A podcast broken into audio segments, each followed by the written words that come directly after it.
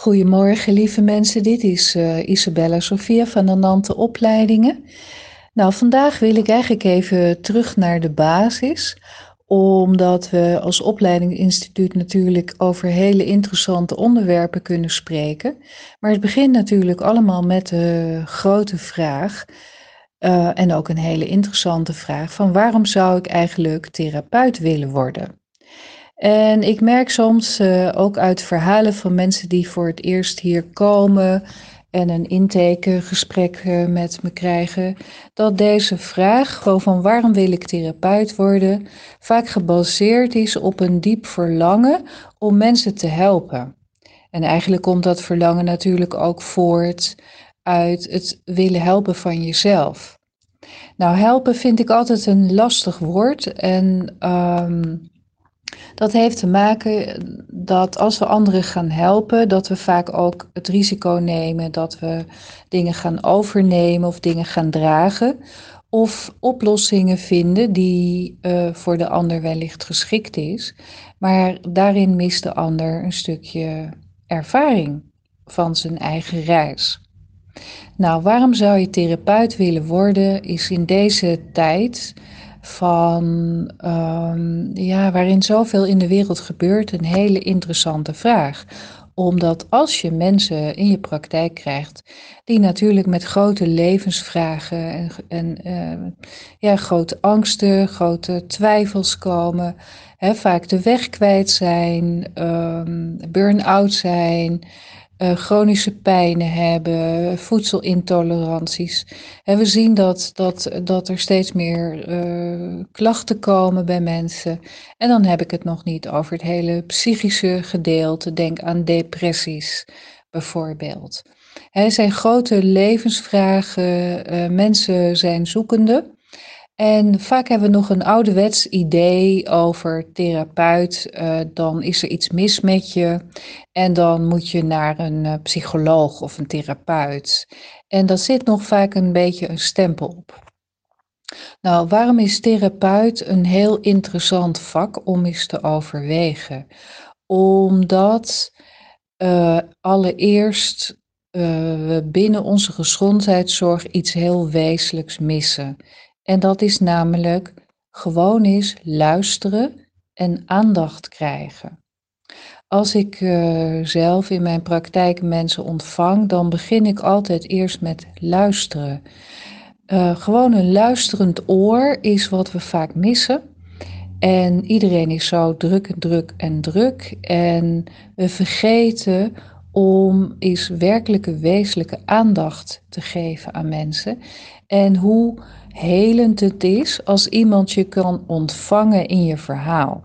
Familie, vrienden, uh, ja, wil je vaak niet lastigvallen met, met je sorus.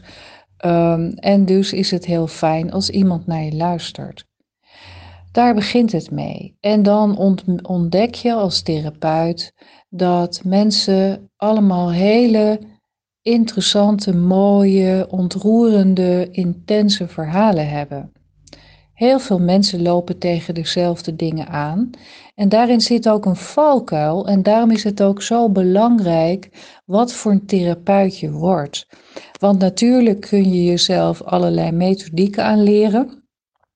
En dan ben je echt goed in staat om mensen te begeleiden, maar dan kom je nooit achter het verhaal van mensen. een methodiek helpt, maar het zegt niet iets wezenlijks over de persoon, omdat je dan gaat kijken naar, oh ja, die heeft een, een rouwproces, dus moet ik die en die techniek toepassen. Of die heeft pijn in zijn onderrug, dus kan ik dat en dat uh, aan oefening op het lichaamsgebied toepassen.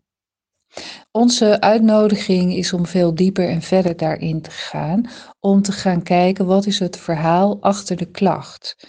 En dan kom je bij, um, bij de kern uit, bij zielenroerselen, bij uh, gebroken harten en bij verlangens. Mensen hebben diepe verlangens, maar ja, kennen die vaak zelf niet. Mensen weten ook vaak niet meer welke kansen op moeten uh, zijn heel erg dicht bij wat er allemaal niet is. En daarin kun je dus een wezenlijk verschil maken. want op het moment dat, je, dat iemand bij je komt met een depressie, ja, dan kun je dus met de depressie aan de gang gaan. Of je gaat onderzoeken, en dat is een veel diepere laag van goh, depressie is letterlijk iets onderdrukken. Wat onderdruk je eigenlijk? En wat heb je weggestopt aan verlangens, aan behoeftes, aan grenzen, noem het maar, wat nog aandacht mag krijgen en nog geleefd mag worden?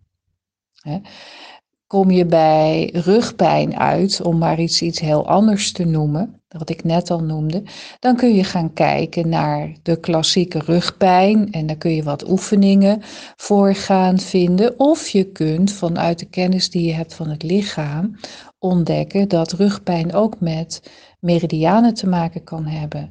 En dat soms uh, een, een rugpijn uh, kan komen uit een last die op iemands nek ligt en die te zwaar is om te dragen, een zware verantwoordelijkheid, of vastlopen op je werk, of niet meer mee weten hoe je de rekening moet betalen.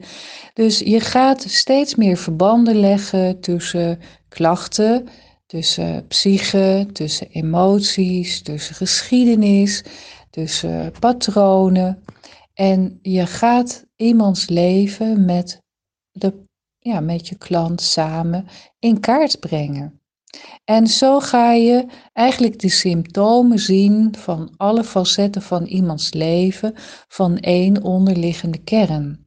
En samen met iemand die kern vinden van wat is de onderliggende oorzaak, is iets heel bijzonders. Is uh, de mooiste reis die er is. Omdat ieder verhaal daardoor weer anders is.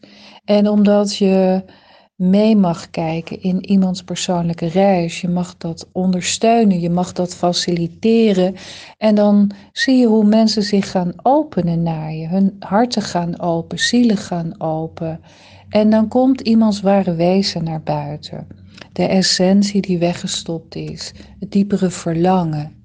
En als je op dat niveau gaat werken met mensen, dan dan wordt het een geschenk. Dan is dit vak het mooiste vak van de wereld. Want niet voor niks, en dat is een van de dingen die we bij filosofie altijd aanpakken, is van waar geloof je in? Want daar waar jij in gelooft, dat is ook heel bepalend van hoe jij je leven leidt. He, zo Ehm, die dieper liggende gedachten en, en gevoelens en van waar komen je overtuigingen vandaan.